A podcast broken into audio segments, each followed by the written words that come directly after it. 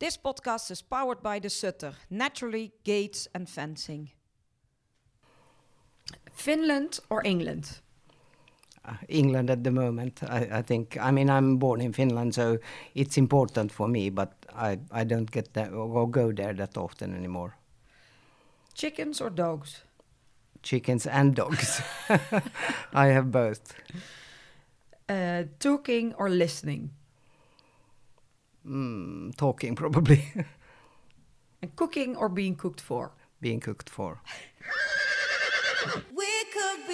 Hello, and thank you for choosing to listen to Horse Heroes on Tour UK edition. This is a podcast where Floor Schoonmakers from EHS Communications talks to equestrian entrepreneurs and superstars in open hearted, frank, and honest one on one conversations. My name is Jack, and I truly hope you enjoy listening to some amazing stories from the world of British and Irish equestrian. Put your feet up, relax, and enjoy. She is a six time dressage Olympian for Finland multiple Nordic and Finnish champion in dressage, jumping, and eventing. Finalist at many dressage World Cups and winner of the World Cup final with Matador in 1991. A hugely popular dressage trainer and advisor. Tokyo 2020 was her 11th Olympic Games she has been involved in. Her motto There are many roads to the top of the mountain, but the view is the same from the top. Today, I can proudly say that my last guest of the Horse Heroes UK series is nobody less than the famous Kyra Kyrklund. Hi, Kyra. Hi. Thank you so much for uh, having me over today. Well, thank you for asking me. Yeah, but I think it's so interesting to hear your story uh, for a lot of people as well in the Netherlands who all know you, but it's different if you uh, can hear the person say it themselves than if you read it in an interview, I think. Yeah, and sometimes actually with interviews they are not quite right either. The, the the one who is writing it doesn't get it perfectly right, and then it's difficult to to correct it later on. Yes, also, but then now it's uh, this is. Yeah, it's just because you get more the atmosphere, you hear somebody's emotion and the voice. So that is, uh, but you've never heard, of course, any of the podcasts before because it's all in Dutch. Mm. so we we are doing a, a little UK uh, tour and I've seen uh, some of your fantastic colleagues already, and it's been really great fun to be over in England. Um, what we always do uh, in a, in, during the interview is go way back in time. So I would really like to uh, know actually where you grew up. Grew up as a kid. Well, I'm born in Helsinki and I grew up in Helsinki and I was in Helsinki for most of my youth years. I, I'm we had two kids. I have an older brother. No connection with horses whatsoever. So we lived like in, in the middle of Helsinki. I, I have always been really interested in animals. We had a dog at home, and then we had a summer like little holiday place, and that was near my godmother who had four kid four boys, and she yeah. always wanted a girl. So I was a bit like an extra girl there, and she had. Um, like a big farm with farm animals, cows and working horses and chickens and whatever. And um, so, like every every time I had time, then I would go on my bike to her already since I was maybe eight years old. And it was like 20 kilometers one way. So oh, wow. I did get quite a good condition yeah. doing it. And then I was there all day. And when I wasn't there, then I would go with. We had a good friend, or my parents had a good friend who was a like country vet, and yeah. he would pick me up at six, seven o'clock in the morning, and then I would go with him all day, helping him uh, treating the animals. I don't know how much help it was, but anyway, so. Um, and then I think I must have been like 10 years old, and then we decided we would be riding one of the uh, draft horses they had yeah. They didn't have a saddle or or like reins. They had long driving reins only, and me and the oldest boy were riding this mare, and I think now that she can't have been more than four years old. I was sitting in front, he was sitting behind, so he had the long reins. Then the then the dog got loose and came barking, and I, I think this mare called Iria, she started probably to trot, and he fell off with the end of the reins and or or jumped off. I don't know what, but I fell off anyway and got hooked in the rein from my leg, and then the horse, of course, got scared and went off. Yeah. And I was lucky because their stable manager was coming with another horse from the field, and so he could like put that other horse in front of this one, going like a maniac. So she stopped. And uh, I remember getting up and thinking, "Oh, my mother is going to be crazy again because I had white shorts and a white T-shirt, and it was all dirty." And then, so then I tried to clean Oh, the you T-shirt. were worried. She were. She was. She was angry about the dirty clothes. yeah, but then it turned out that actually I had broken my right arm, like Oh. just under the shoulder. So then off to the hospital, and I had it in plaster cast the whole summer. And this was when I was 10. So mm-hmm. I had just said to my parents that as, as soon as this is away or, or I, I'm out of the plaster cast, then I want to ride again. Oh, you didn't scare you. Well, I don't, I don't know, but that's what I said. So then they thought, well, better that she then gets ten lessons in a riding school instead of her killing herself in Yeah. the countryside. Yeah. So that's what I then I, I got as my birthday present for my 11th birthday. I got 10 lessons in the riding school in Helsinki, and that that was really a good riding school.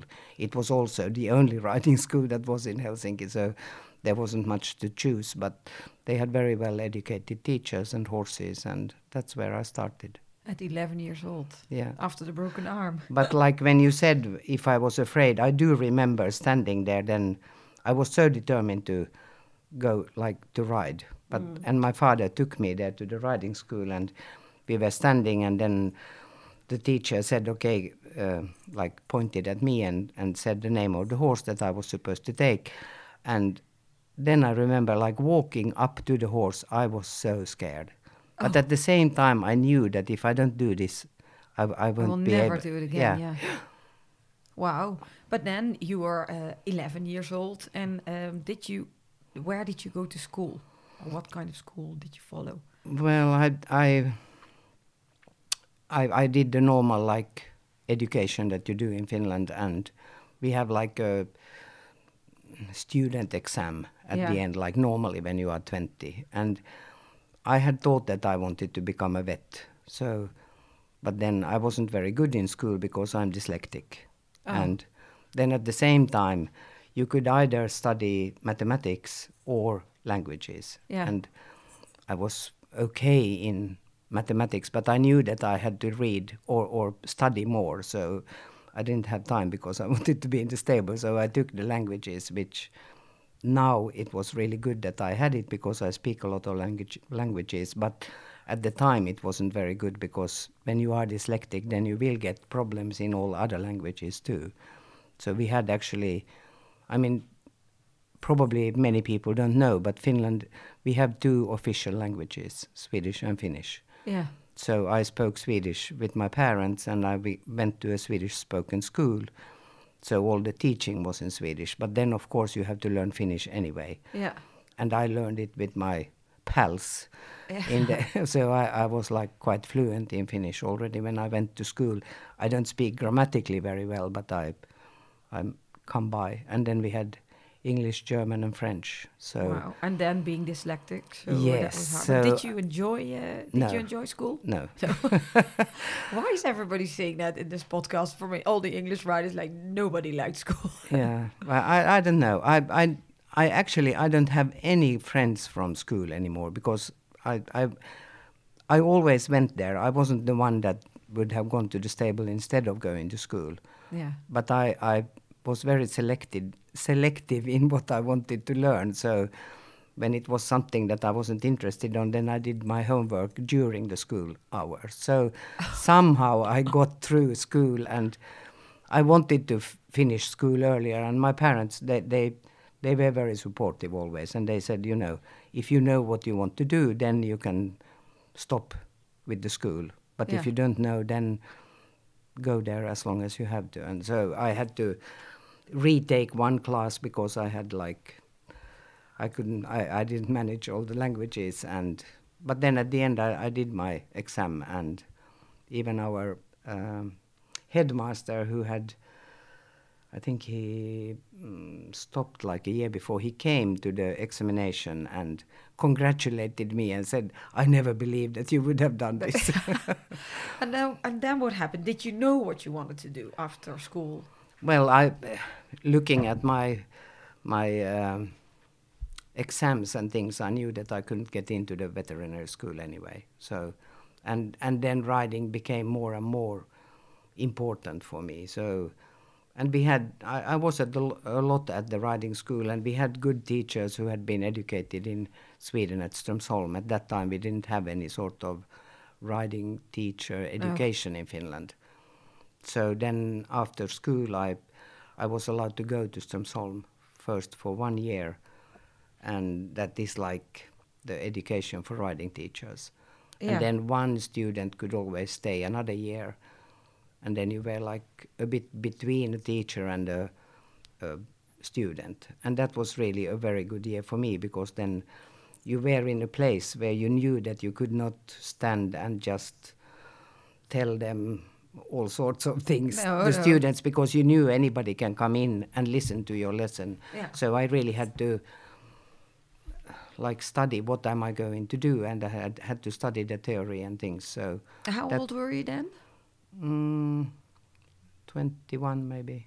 And in that time, did you have your own horses as well? Or were you training other people's horses or no well during the school time i i was i was riding 3 years in the riding school and then i thought mm, i don't learn so much and it's going to be too expensive because all the time my parent paid the first 10 lessons but after that i had to pay half of it myself yeah with my you know weekly allowance that I got anyway. So and and then I helped like at home and you know mm, at that time you were collecting uh, newspapers and then yeah. you you went and sold the news newspaper to a collecting points and you got some pennies for that. So I, I tried like to. You I, worked I had, hard to do the writing lessons. Yeah, well. yeah, but it was like important for me too. So it was very good. And then after three years, I went with a friend of mine to another place. It was just like a, a farm also with some horses, but there we could uh, try our own things. You can say that uh, we were. Uh, we even put the horse uh, like or, or broke the horse without knowing at all what we were supposed to do. So we put the saddle on in the box and then we get on got on her in in the stall. Yeah. Which maybe wasn't the best thing. You weren't scared to break another arm again. No, no but you learned a lot uh, during that time. And then I still had the contact to the riding school and met then a friend who had a horse and she was sick herself so she couldn't ride and then I was allowed to start riding that horse and they were really my first sponsors and she is still one of my best friends in Finland.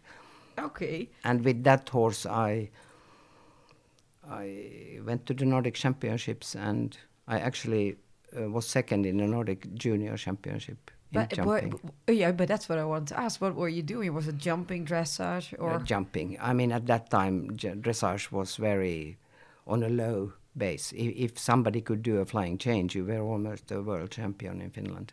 So definitely, I started jumping, and then uh, when I was 17, then the younger sister wanted to start riding the horse, so I had to, or, or you know, I told my parents that the world is going to end because now it's the last junior year and I don't have a horse, and and so then it ended up with me and my mother, who didn't know anything about horses. We went to Sweden and looked for a horse, and I wanted a jumper. Found a three-day event there Oh. But they said, oh, he's very well educated in, in dressage. Yeah. So you had to ride dressage too with him, and th- that's what I did. Then I, I got him. He, his name was Kasper. Yeah. And like the first year, I won the Finnish junior championship in dressage, and then I was fourth in the jumping and second in the three-day eventing. So it was a very good all-round horse that taught me a lot. And with him, I then continued with the help of the riding teacher in the school, we educated him to Intermedia 1 and I won the Finnish senior championship with him too. So that's where it uh, started really the bigger thing. Yeah, but still, like I, I did like jumping too. So when I went to Strömsholm, I still was very like undecisive. Should I go on with dressage or jumping? Yeah. But at the time before I, uh, between the first and the second year in Strömsholm, I went to Denmark, and at that time Kasper had already had leg problems, so we had to put him down, and so then I had money to buy a young horse, a four-year-old called Piccolo, and I thought with him that you know if he can jump, I jump. If he can go dressage, I do dressage, and he definitely could not jump. Oh, he couldn't. No, well, he did. He did jump, but but it was a bit of a suicide pilot. So then, then with him, I then, or like after two years in Sweden, I went back to Finland, worked at the show jumping yard for a year, Yeah. uh, competing them and educating them. And then I had a couple of bad falls there. So then I did get a bit scared, and I. It took half a year before I like admitted to myself that I'm not good enough for jumping.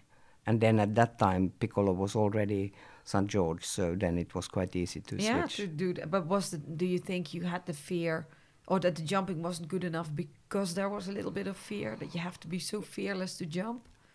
Well, I, I, I think I didn't have that good an eye, and, and I got it. It was more like excited. I, Yeah. I still, you know, I, all my life I, I still jumped a little bit. So it's not like the fear of the jumping itself, No. but it was more feeling that you were not like good enough for for the, and that at that time dr- jumping was very difficult, different than Yeah. what it is today, and. I also knew from the start that if you want to do jumping, you need more horses, and I didn't really have the money to have more horses what you were lucky enough, good enough at dressage yeah, yeah. turned out to be. Yeah. So what happened from there? Well, then after working that year in Finland, I earned some money, and then I went to Walter Christensen in Germany yeah. to spend the money on training. So I was there like nine months and had piccolo with me, and this is maybe 1970. 7, 78. And also during, so then I went like a couple of years after that also back to him. And I got uh, elected or, or um, picked for going to Moscow Olympic yeah. 1980. And be, just before that, I had, well, I was lucky to be able to rent stables in my old riding school. So I, I got 20 21 boxes there. And then I started my own business with like taking horses into education and riders. How old were you then? Mm, 27 maybe. So that's why you started your own your own business with, Yeah. with this, and and you were quite young to go to uh, Olympic Games. Mm, yeah. How was it? How was that? Because it was Moscow.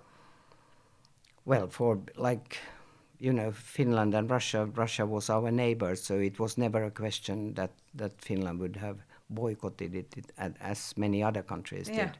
And especially the equestrian sport was quite hard boycotted by, I, I think it was, uh, it was because of the Afghanistan war. And of course, at that time, in a lot of federations, you had more like old army Yeah. majors and or, or army people in charge. So they were more like against the war there and said that riders could go but they shouldn't go. So but I, I went anyway. And You went anyway. yeah, and, and it, it was a it was a very like important step for me because you know, okay, the competition wasn't that hard. I was number five. Riding came very much into spotlight in Finnish press and things, and otherwise it, it we hardly got any news from riding in Finland. So you made the the dressage important for Finland then already in, back in the in these days. I would say, yeah. I mean, it was like I think the last one that had gone to the Olympics must have been in 1940, 50, 50s. And your parents were very proud, of course. Yeah, yeah. But they didn't come there. They they just followed it from TV or whatever. Yeah. And after that, what happened with uh, Piccolo? Well, Piccolo, he was. I must say, I have learned learned so much from every horse, and he he didn't he wasn't like really what you would say exteriorly a, a dressage horse. He was quite low in the neck, set low in the neck. So to get him like up in in a dressage outline, it was hard work for him. So then he ended up getting spavin, and that time you couldn't really do that much to spavin. Nowadays they are the vets are a lot better. So he ended then up to as a uh, hack for for a vet that I had. So he stayed in Finland, and then from from that on I because I had my stable in Helsinki, then also I had students and, and their parents, and one of the parents then said to me before Los Angeles Olympics, like Yeah. two years before, we were in Denmark looking for a horse for the girl, and I rode another one that I always had liked when I was there. And then the father suddenly said, "Okay, but we could buy that one too, and if you can educate, it was only doing Intermedia one at the time." But if you can educate it to Grand Prix and if you can qualify for the Olympics, then you can keep it until that, and then the daughter will take over. And that that's also what happened. I went to Los Angeles with him, and and then when we went to Seoul, it, we had the first time team, and Yeah. and the daughter was riding this horse called Nur. So that was actually a big opportunity as well that you could.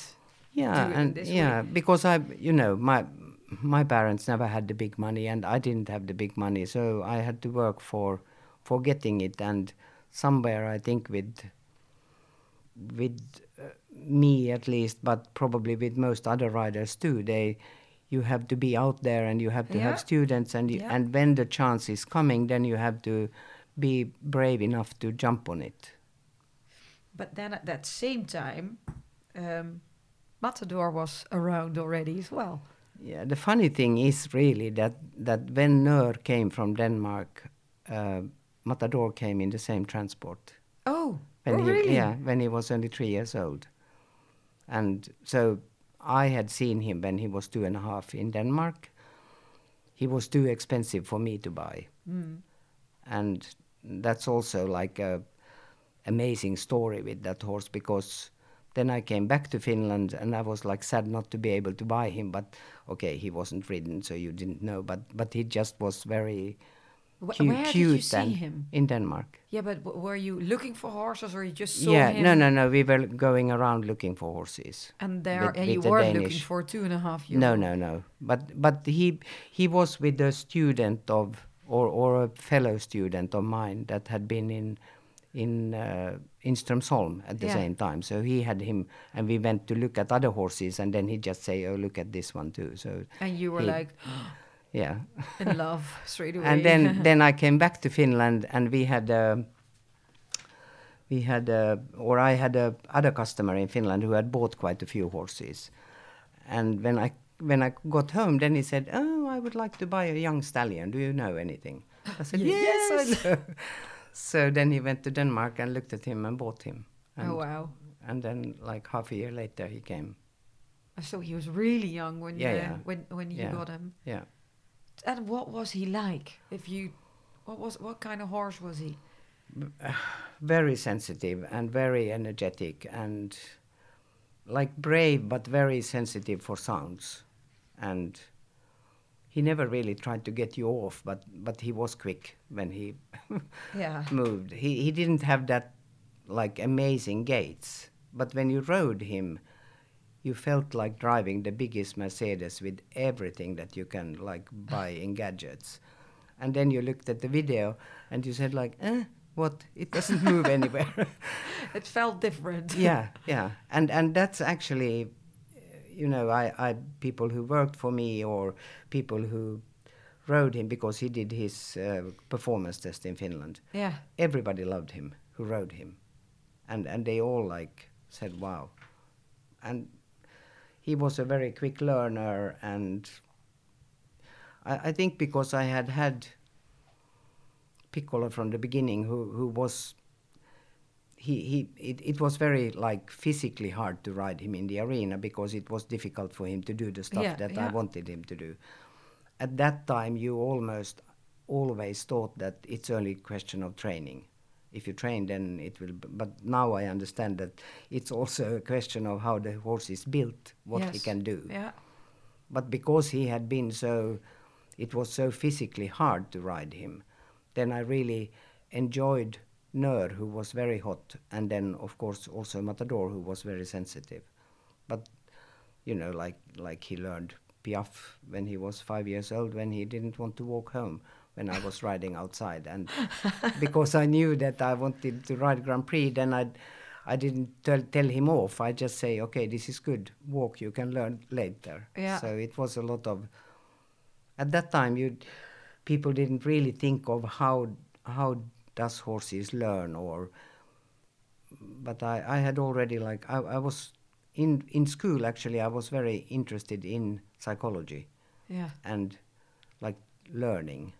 So I think I was quite early on like understanding ho- horses how they learn or what you need like later on. Yes. Probably if I if I wouldn't have had a couple of Grand Prix horses be, before him, then it you might wouldn't have known. no. But then you had uh, the, the the World Cup final Yeah. With him, a big thing, of course. Was is that one of your best memories in in your riding career? Yeah, it's of course a big one, but I, I think even bigger was the World Championships in Stockholm, Yeah. 1990, because I mean I, I had had, you know, I was in Seoul and he was he was going well in Seoul. He was fifth there, and but he actually would have had a medal chance if I wouldn't have spoiled it. because happened? Well, then I think he was maybe fifth in the Grand Prix and. I had won everybody in, like of the riders that were in front of me. So then I was like very, uh, uh, you know, I, I really wanted a medal. Yeah. so stupidly, I went to the our Olympic committee to the head trainer there, who didn't know anything about horses, and then I said, well, do you think do you think I should, like, risk everything? I I. I if I warm him up a little bit less, then he maybe goes a bit more in, in the arena and I could have a medal. Or should I just do what I always do? And he said, yes, risk everything. So, so, so you I, did. Yeah, so I warmed him up too little. So then when he went in, he was like too. Uh, I hardly could like touch him at the beginning of the program. Oh. But you know, without that experience, I don't think that I would have learned that you can't change anything. You No. you have your horse and you do your thing, and that's it. So, and then after so the year after he got colic and was operated, and you know, at that time people didn't operate horses for colic. It was very like seldom that they survived or even like came back to any sort of sport. And he he had a big hernia Oh. after it like you could really see it and so then we were in contact with vets all over the world america and and germany and tried like to see what could we do to reduce that hernia and then at the end it was a swedish vet who said okay i can try to operate him and put in a net that Yeah. would then keep it a bit better so he was operated and in in uh, Helsingborg at the vet clinic there and came home and like then came back to sport but people didn't really believe it. They, they, they thought that he was dead or would never come back to sport or rumors of course were that I was pregnant and I had, Oh, yeah, had a boy and heaven no, no nobody knew the father's name but I, I didn't know either because I wasn't pregnant. So like you know for him then to come back and qualified for the world championships and riding in the world championships that was Amazing. yeah Yeah. and it wasn't like there it wasn't i didn't ride for a medal or anything i just enjoyed every second riding that horse so for me stockholm is still the it's i was like totally in the in a tunnel and only it was only him and me Yeah. important so then we got a um, a wild card for the world champ uh, or for the World Cup final, and that was, of course, fantastic. And that was in Paris. Yeah, Yeah, of course. But then after everything that happened, that Mm. uh, yeah, wow. And and after that period, what happened then? Well, then, mm, well, I had met Ger- Richard in Germany in 1990, and and uh, after the World Cup final, it was quite clear that that the owners, he had already like changed owner in Finland, but the the new owner they were going to sell him, so I knew that I was going to lose him, and and then I wouldn't have had the Grand Prix horse. This was like two years before Barcelona Olympics. Oh, And Richard was in Finland, or he moved to Finland actually. He, he lived there for half a year. And I had been asked to go to Flyinge to work in, at the Swedish National Stud to educate their stallions and compete with them. And I, I felt like I had the business in Helsinki and it was going well, but I felt that if we were going to have some sort of future together, then Helsinki was, or, or the stable there was a bit too small because for Rich, two Richard is English. Yeah, Richard is English and, and he has been riding all his life. They Yeah. had horses at home and so so and very interested in teaching and and also educating horses. But he hadn't like done it to that sort of extent or or uh, level at the Mm. time. So then then I thought, okay, we we tried to to go to Sweden at least for a year and see how we are doing there. And then we ended up staying there for eight years. Oh, oh, you stayed there for eight Yeah, years. yeah. And um, then there were more Olympic Games, of course. Yeah, The- yeah, because well, just before we left from Finland, we had there was a little show in Finland and. Or like like a national show. It was cold and it was raining and it was really miserable. But we thought, ah, I go there anyway with with the stallion that I was riding at the time, because I knew that they had four horses coming from St. Petersburg, so from Russia. Yeah. to compete at the same show and we were just like thinking oh it's nice to see other horses and then at the show then i liked one of the one of the horses really but it was only st george i won and then the, I, I got to speak to the russian trainer and then he asked me if i knew anybody who could be in or no he asked me first do you like any of the horses and then i said i like the black stallion and then he said, Well, do you know anybody who wants to buy or lease or do something? Because he was educated to intermediate too, and he wanted him to go to the Olympics, and it would be this is Ivan Kizimov, Yeah. the old uh, Russian rider who I think he won gold medal too at the Olympics. And he felt that this was the last horse that he was going to educate to Grand Prix, and he wanted it to go to the Olympics, but he didn't think that they would pick him in the Russian team. So then it ended up with me buying him a year before the then Olympics. that was in the time when Matador was. yeah, Matador was then already sold. Yeah. And and I mean it was a big chance to buy a horse Yes, of course. totally ridden in a different way and well the first competitions were not that successful you can say i got to 's-Hertogenbosch and thought that i could qualify him there for the olympics and i think i ended up with 52% or something Oh, really? Uh, what, uh, what year was this? Ah, that must have been eight, 91 Oh, and, and, that that black stallion that was uh, Edinburg. yeah Yeah, and then after that you did go. Um, did you did go to Barcelona? yeah yeah And how did how did that go there? he was number five Yeah, so Yeah. really well again. yeah And after uh, Barcelona, there was um, um, another Olympic Games, of course, and you went to Atlanta. How you've done eleven Olympic Games in total, yeah and then s- riding six times. Yeah, and then I was uh, picked for two more Olympic Games, but then the horses got problems before, so I couldn't go. But that is really amazing. Mm. But okay, tell, tell me about Atlanta because otherwise we go too, too far away in the future again. You had uh, Amiral, that was Yeah. the, wa- the stallion owned by Flyinge, the, the um, stud. and you were still li- living in Sweden then. Yeah, yeah, and I was working for Flyinge, so and I mean he he you know he he had been like in finals at the European Championships and so we had quite high hopes going Yeah.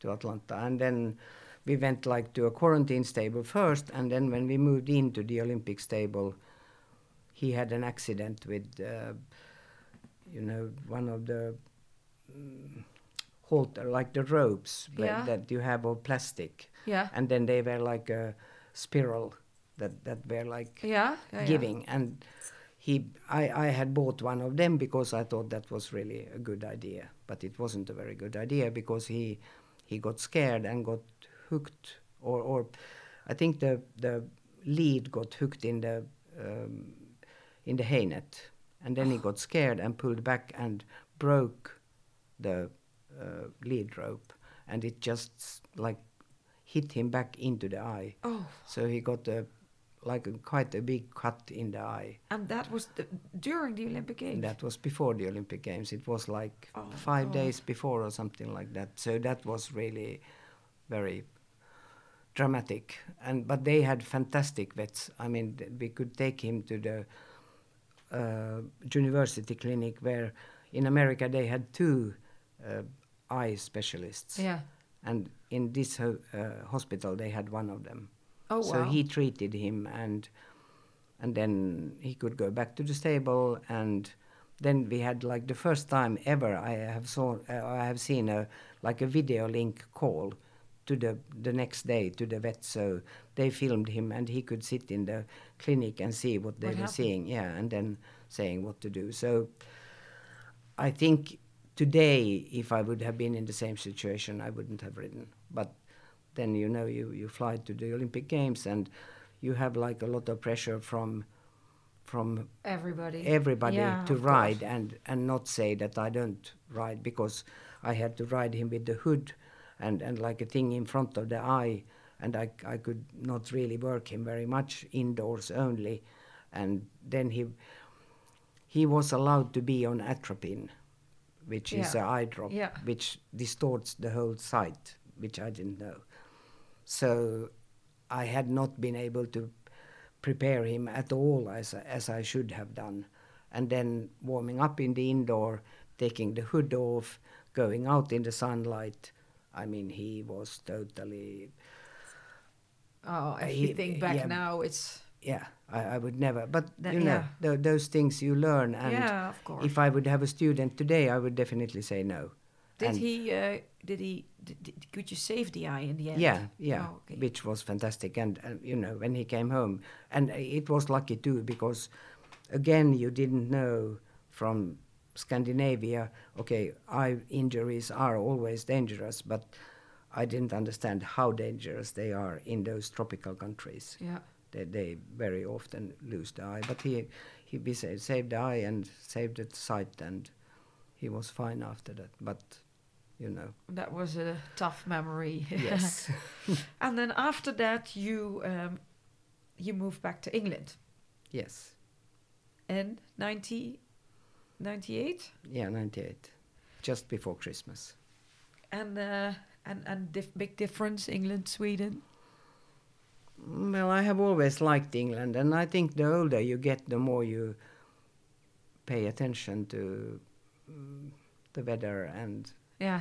and the surroundings and uh, you know when you lived in Finland, yes, it was sometimes minus 30 degrees in the winter, and you had snow, and it was dark, and when you go to competitions, it was like very far away. I mean, I I, I had a trailer and a car and no no groom, and I would go like with two horses with the boat first to Stockholm, which was 12 hours, and then drive myself through Sweden, which was 700 kilometers, and then through Denmark, and then down to Aachen. So Crazy of course, driving. yeah, of course, to come to to south of Sweden was a lot easier, and then like to move to England, it was even easier. So, and I, I like the even if you learn in school that it always is raining in England, Yeah, it's not. it's we not. Live, no, we live south of London, so they call it the Garden of London. And if you describe this place, how long how long have you been uh, living here?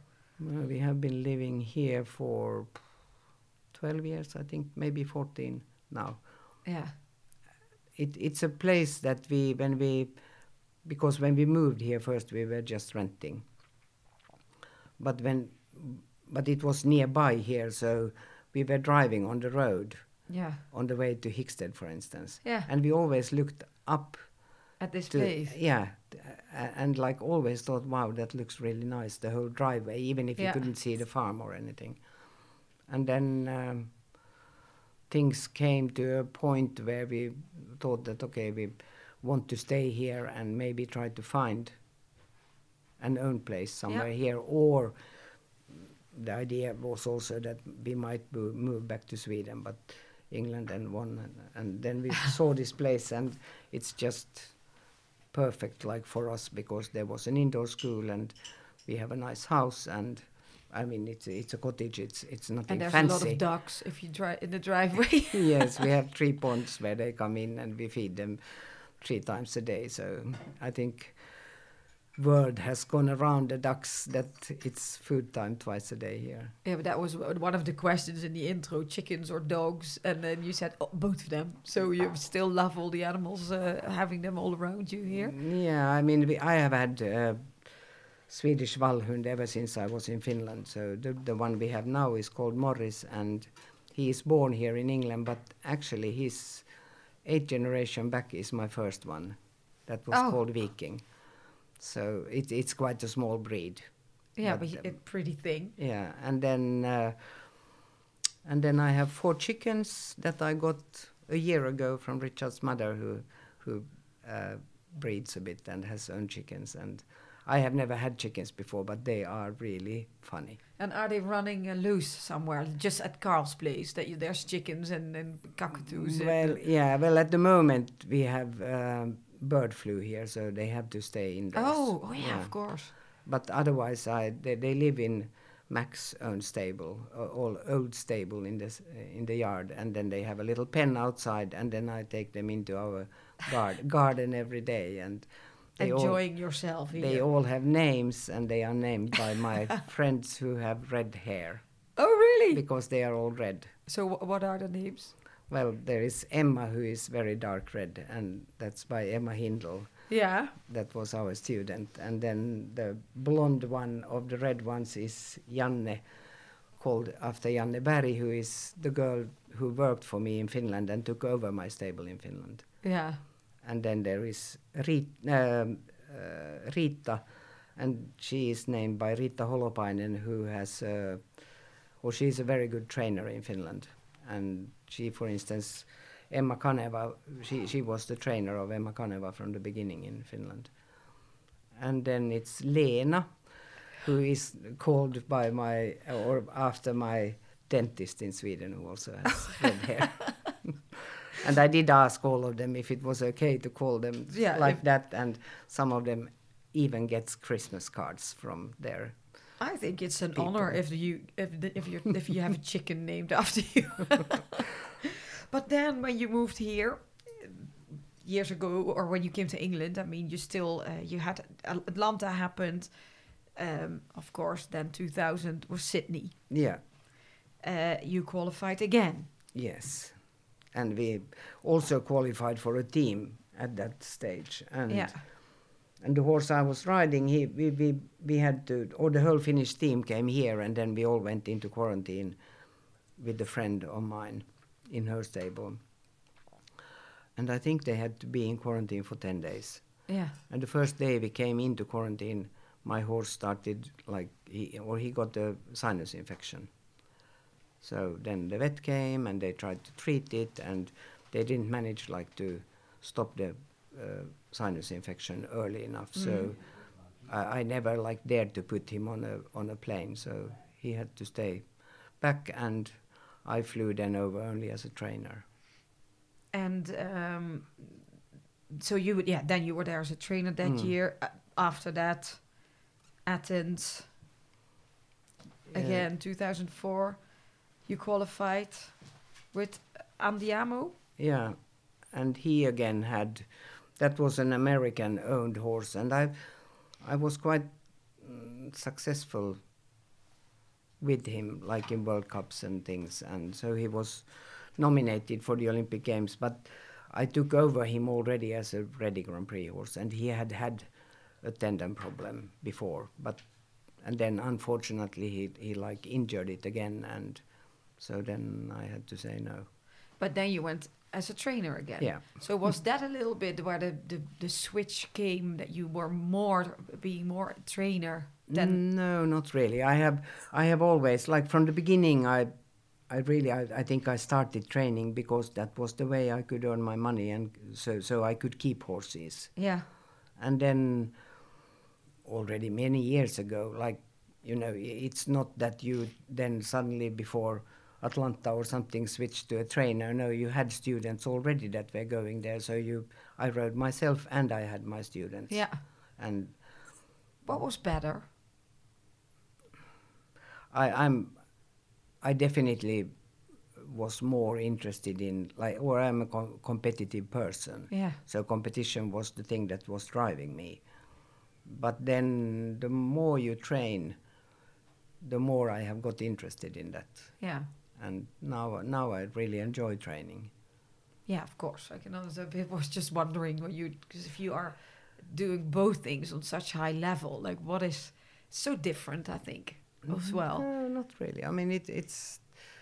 I have had very many like really successful students at the mm. same time that I have been riding too, and then of course it has been easy bec- because Richard also trains. So Yeah. if I was competing, he was helping me, and if I had a start near my students, then he could help them or I could help them. So we have been working like really well together with the students, and we also still swap students every now and then if you know you you try to get to to your student in your way and then if you feel that "Mm, i'm saying the same thing and nothing happens then i can say to him that can't you look at look at her or him and and the same with him that we like change because still you work a little bit in different ways Yeah.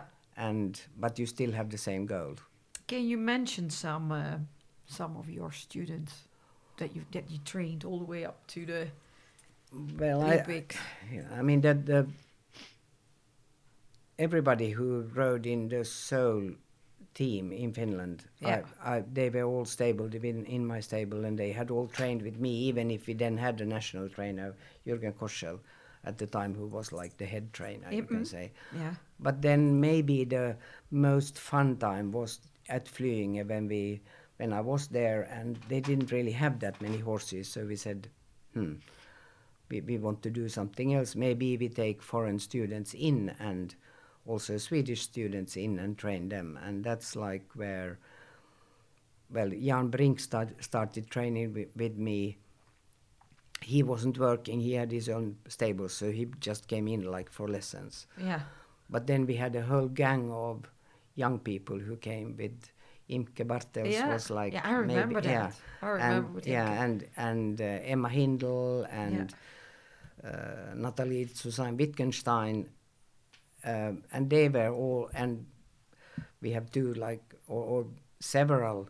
Minna Telde who rode in the Swedish team and Ebba von Essen in Swedish rider who rides Grand Prix now. And so they, they we had like a group of seven eight international young people who who started with us and they stayed like for Imke I think, think stayed for one and a half years. She came basically because she had finished school and didn't really know should she go into riding or should she do something else. So the parents said, okay, then go to Kyra Yeah. and be there for a year so that you can decide what you want to do. Yeah.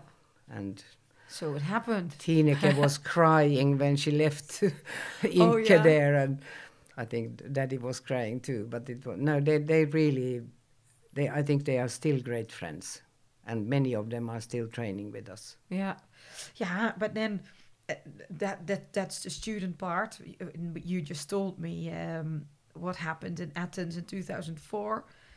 Then there was another horse you had uh, since he was four year old, Max, Hmm. and you went to Beijing, Yeah. 2008, and you could ride again. Yeah. yes, he was um, quite funny with him because uh, actually it was a friend of mine. He he was by a stallion called Master that I was riding. That I had big hopes for for the Olympics, but he unfortunately got a little splint bone that that they never really could stop um, growing. So he had to do the breeding part. But but I had a we were already in England, and I had a friend who phoned me up and said that, oh, she has seen this four-year-old and he's by master and he's black and it's his Kyra all over the horse. You have to Yeah. buy him. And he, he was going to be sold in an auction. And I couldn't go there, so I said to her, okay, then, you know, I gave a price, and if you can get him for that, then without seeing even a photograph of him, I said, you know, if you can get it for this, then buy him. Yeah. So then, then she did get him for that sort of money, and then we went to Sweden to look at him, and I was horrified because he had a big head and a little upside down uh, turned neck and a huge tummy, and very, very sensitive he was. But um, yeah, but he, he he didn't have the big gaits, or but he had a fantastic temperament, and Yeah. he he was really like a gentleman, and yeah. So then we went to the Olympics with him and had a bit of a scare there again because uh, I had been there for we, we went quite early, so Richard didn't come straight away, and then he came maybe a week before the Olympic or before the competition, Yeah. and the first day when he came, he just felt like I had only walked him before we co- because we said okay, we give him time to uh, like get used to the climate there. And then he suddenly was like, oh, he hardly did even want to walk. Oh. So then we took the temperature, and he had high temperature, and then you know the vet, and they were looking, and they gave him medication, and they didn't know what it was. It was going up and down the fever, and then after a few days they said, mm, we don't know what this is, but we have to put him into quarantine. So they moved him to another stable, and when we lifted up the the hay, it turned out that it was totally moldy. Oh no. Yeah. So Uh, at I- the Olympic Games. at the Olympic Games. Well, it it was bad luck, you can say, because they were disinfecting everything with sprays there, But, but yeah. and and we had the hay outside the box, the his hay. So when they went around, then it went like uh, wet, it- yeah, and and moist. yeah, and uh, and the floor was moist. yeah. So this mold, it was only underneath the. Uh, You couldn't see it. yeah, I couldn't see it. No. So we only saw it when we when we took his bale of hay with him when he went to the quarantine. So then, then it was okay. But of course, then we had missed so many days, so training wasn't ideal. But he he was Oh, a good and boy what, there. Were you thinking like every time at the Olympic Yeah, Games I know. something scary? is yeah, I thought like you know people are going to think that I'm crazy, it is with horses, and I have really learned that I am the one. If I ride the horse, I am the one who is responsible for his welfare, and Yeah. if I can't start, then I don't start. No. And and it is a very hard decision, but but somewhere you you you can't you you are never going to do a good competition anyway if the horses are not top fit. So. No, no. And I mean he he was good then. He I think I was eight there, so Yeah. it was a good result. Then uh, it was 2012, London Yes. Olympic Games. A, a home competition, then sort of. yeah. Then then I already I was a Swedish advisor. Yeah. So I had the Swedish team there, and I didn't really have a Grand Prix horse at the moment then. So it was. I I I think London Olympic was a fantastic Olympic game, even if I couldn't ride there. But but the whole feeling in the town was like just a big party. Yeah, and then with England, uh, the, the results what England Yeah, did. Of course, you were there for yeah, Sweden, but yeah, I think yeah. how was that? You were st- because you live in England and you're married to to an English In- husband, and you so there are two teams. Yeah, it, it was just it was maybe mostly it was like that something happened in dressage. Yeah. It wasn't like so that you could put on a paper who is going to win this already two weeks before. So it was really a revolution Yeah. that England made what they made and and rightly so too. It was not that they got the points only because it was on home ground. No, no, but it changed a lot for the for British dressage, of course. Yeah, but I think also for the whole of dressage, Yeah. like the way Charlotte rode, and it was very like easygoing and a happy horse, and no, it, it was. I, I think it changed the direction of dressage. 2016, you were also uh, with the team in Rio, Yeah, and then uh, that was Tokyo. yeah. And how was Tokyo for you after all the uh, Olympic Games you had? And at once there's COVID. Totally different? yeah, well, a year or the like at the beginning of this year, I I got asked from the Portuguese Federation if Yeah. I could take over the the training of the Portuguese, and I have I have been training privately and sometimes also working together with the federation during 12 years there already. So I know the riders quite well, and I I like the way they are riding, and the, I like their horses. Not only the Lusitanos, they have other horses too, but but I think they have a lot of classical riding, and with classical I mean real classical, not not the hijacked classical No. that we hear a lot of. But um, so I said, okay, I, I would like to do that. But then, of course, it was COVID. You could not, I could not travel there, so I couldn't really train them. Else, then then we started doing it online, and I think like online training is something that is going to stay because you can't travel that much, and and it works. it works really. I mean, okay, some some things you can't see, but technical things you can really train very well on, Yeah. on internet. So the first time I saw the Portuguese riders were then in the spring in Compiègne, and then I saw them an, at one other show then before Tokyo. And the, and the rest was all online. Yeah, But how how was the atmosphere in Tokyo? I think it was amazing. I, I, you know that they could organize it. The, the facilities were top, top, top.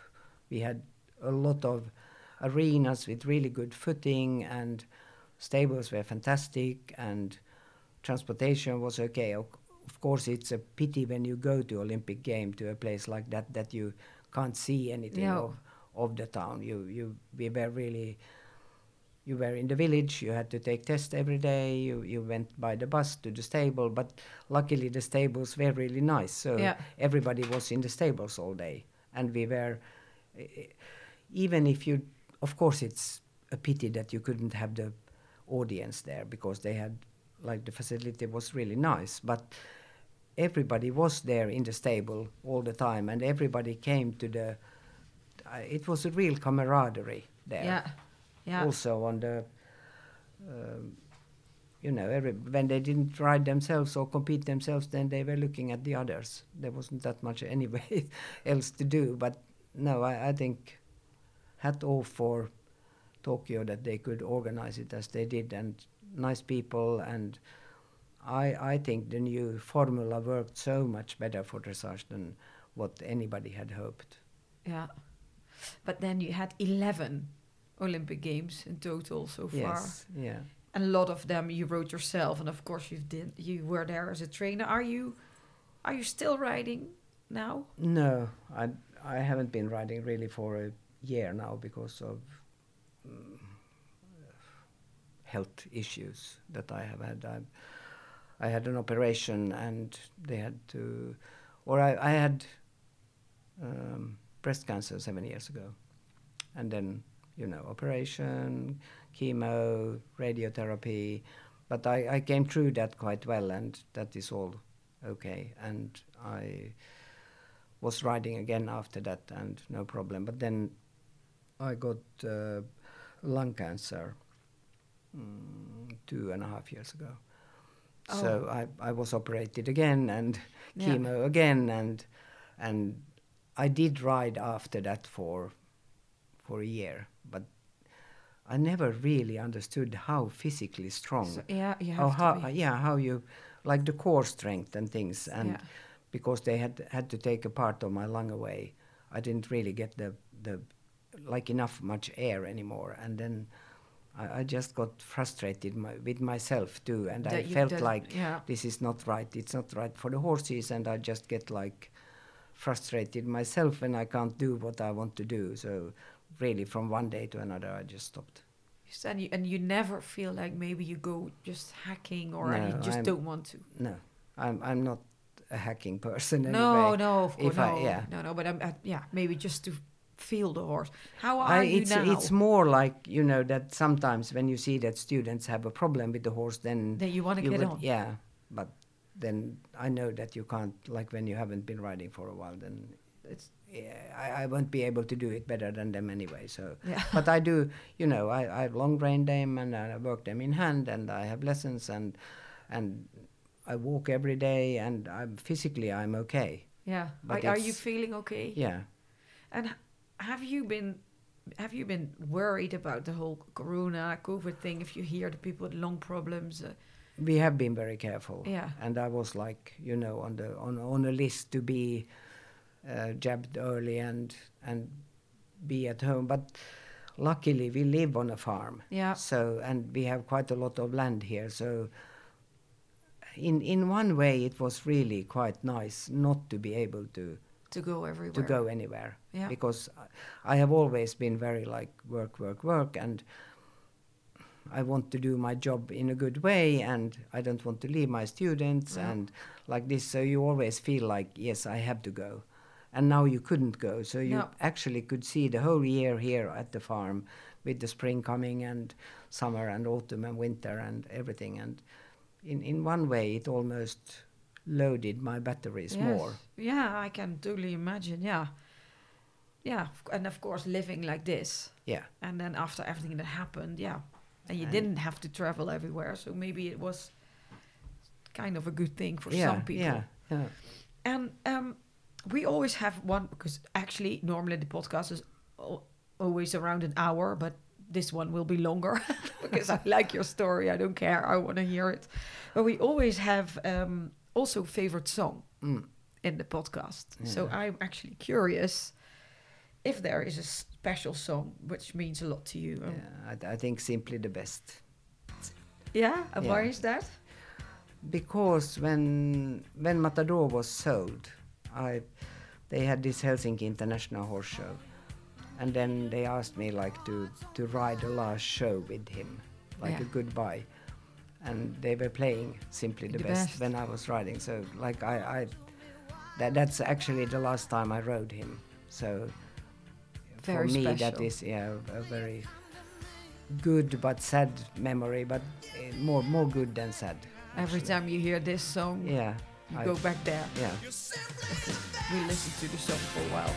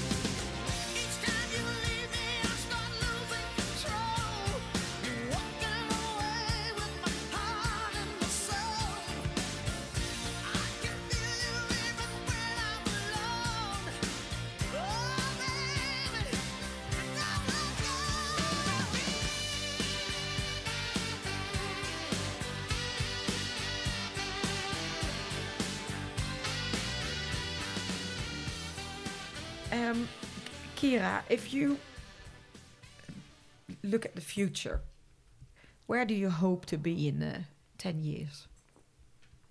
Well, I have turned 70, so of course you already you have like more to look back to than maybe forward. Yeah. Hopefully, hopefully one is still physically so that you can move around and that you are mentally like alert and still find this interesting.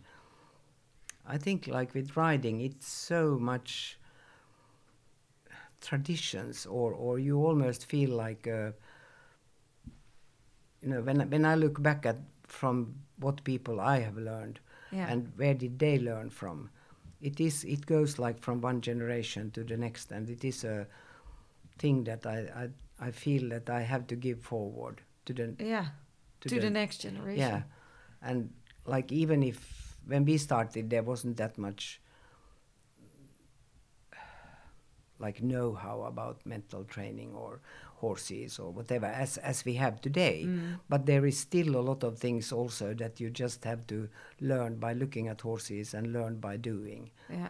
and i i feel that one lifetime is not enough to learn everything that there would be to learn about horses. So if i can give some of the knowledge to the to my To- students yeah. then then they don't need to do all the mistakes i have done No. Oh. but you said you you turned 70, but you're still working so hard. You're still training and doing all these things.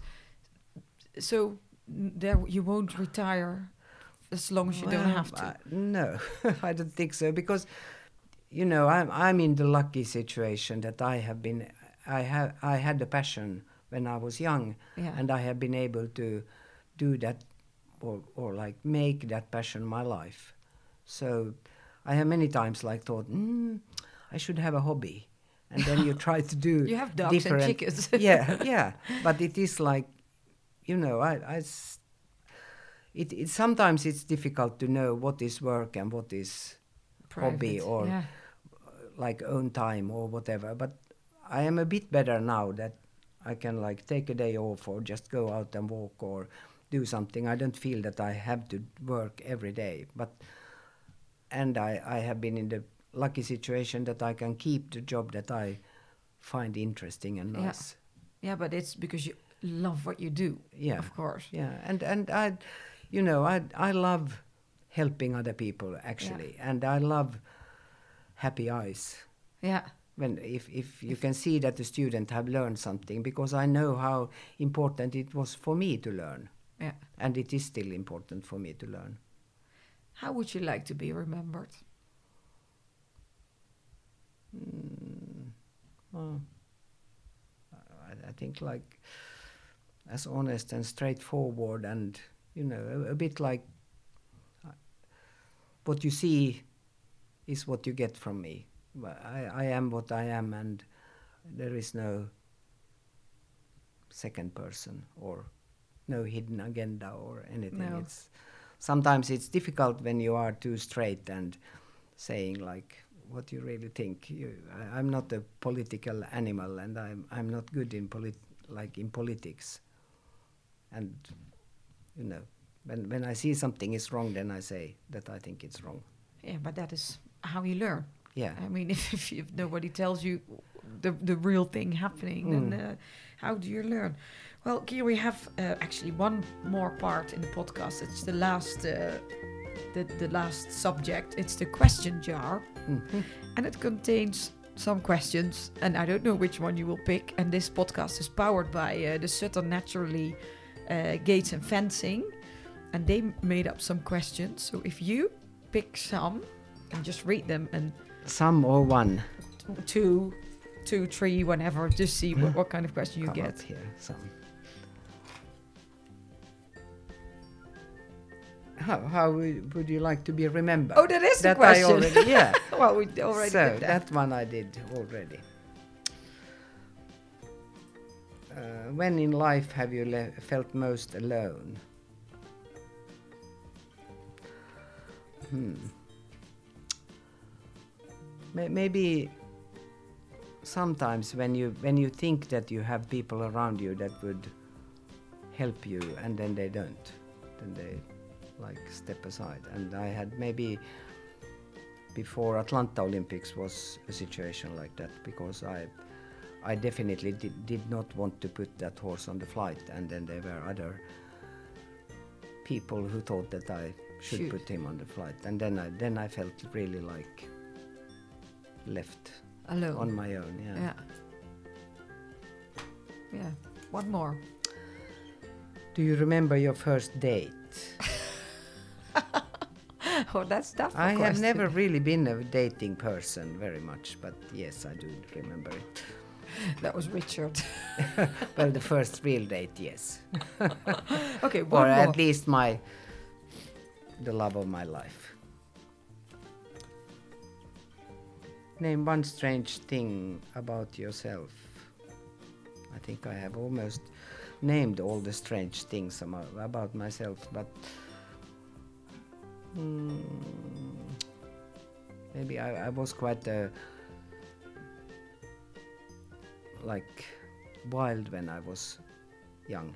I, I, I think I, I, I had more boyfriends or like boys as friends than girls as friends. I have never been playing with dolls or anything like that. It was like, you know, yeah, no, well, I can imagine. I have three Yeah. brothers, so I'm Yeah. more of a, a boys person too. yeah, So- yeah, yeah.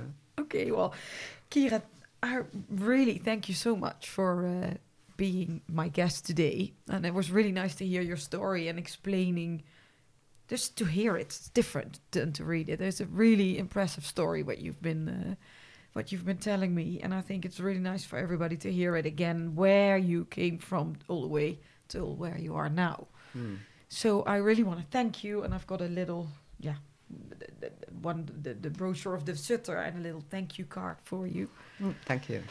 And um, if people want to learn more about you, is there anything uh, anywhere where they can follow you? Maybe social media pages. I'm not that good at social media. I do have a, or I have a, like a Facebook page, but Yeah. that's a closed one. And I had a homepage, but it hasn't really had, had there hasn't happened anything No, but during the last years.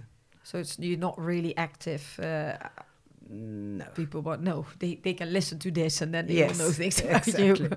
okay, well, thank you so much because you have been uh, my last uh, guest of this Horse Heroes UK uh, tour, and I really enjoyed it, and I hope people uh, who are listening will enjoy it. And maybe if it is a little bit of a success, we will do it again, and we come back to England again with more guests. So, thank you, thank you very much, and um, this will be out in. January. So uh, we are right in front of Christmas now. So I wish you a very Merry Christmas.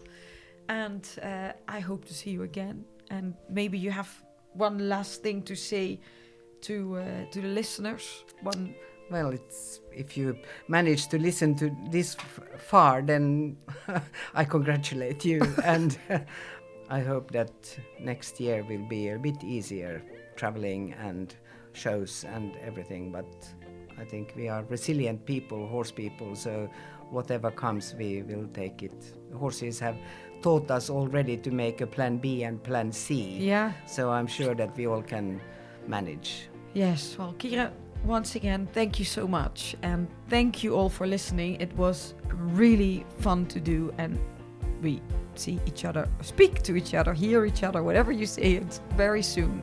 Uh, till next week. We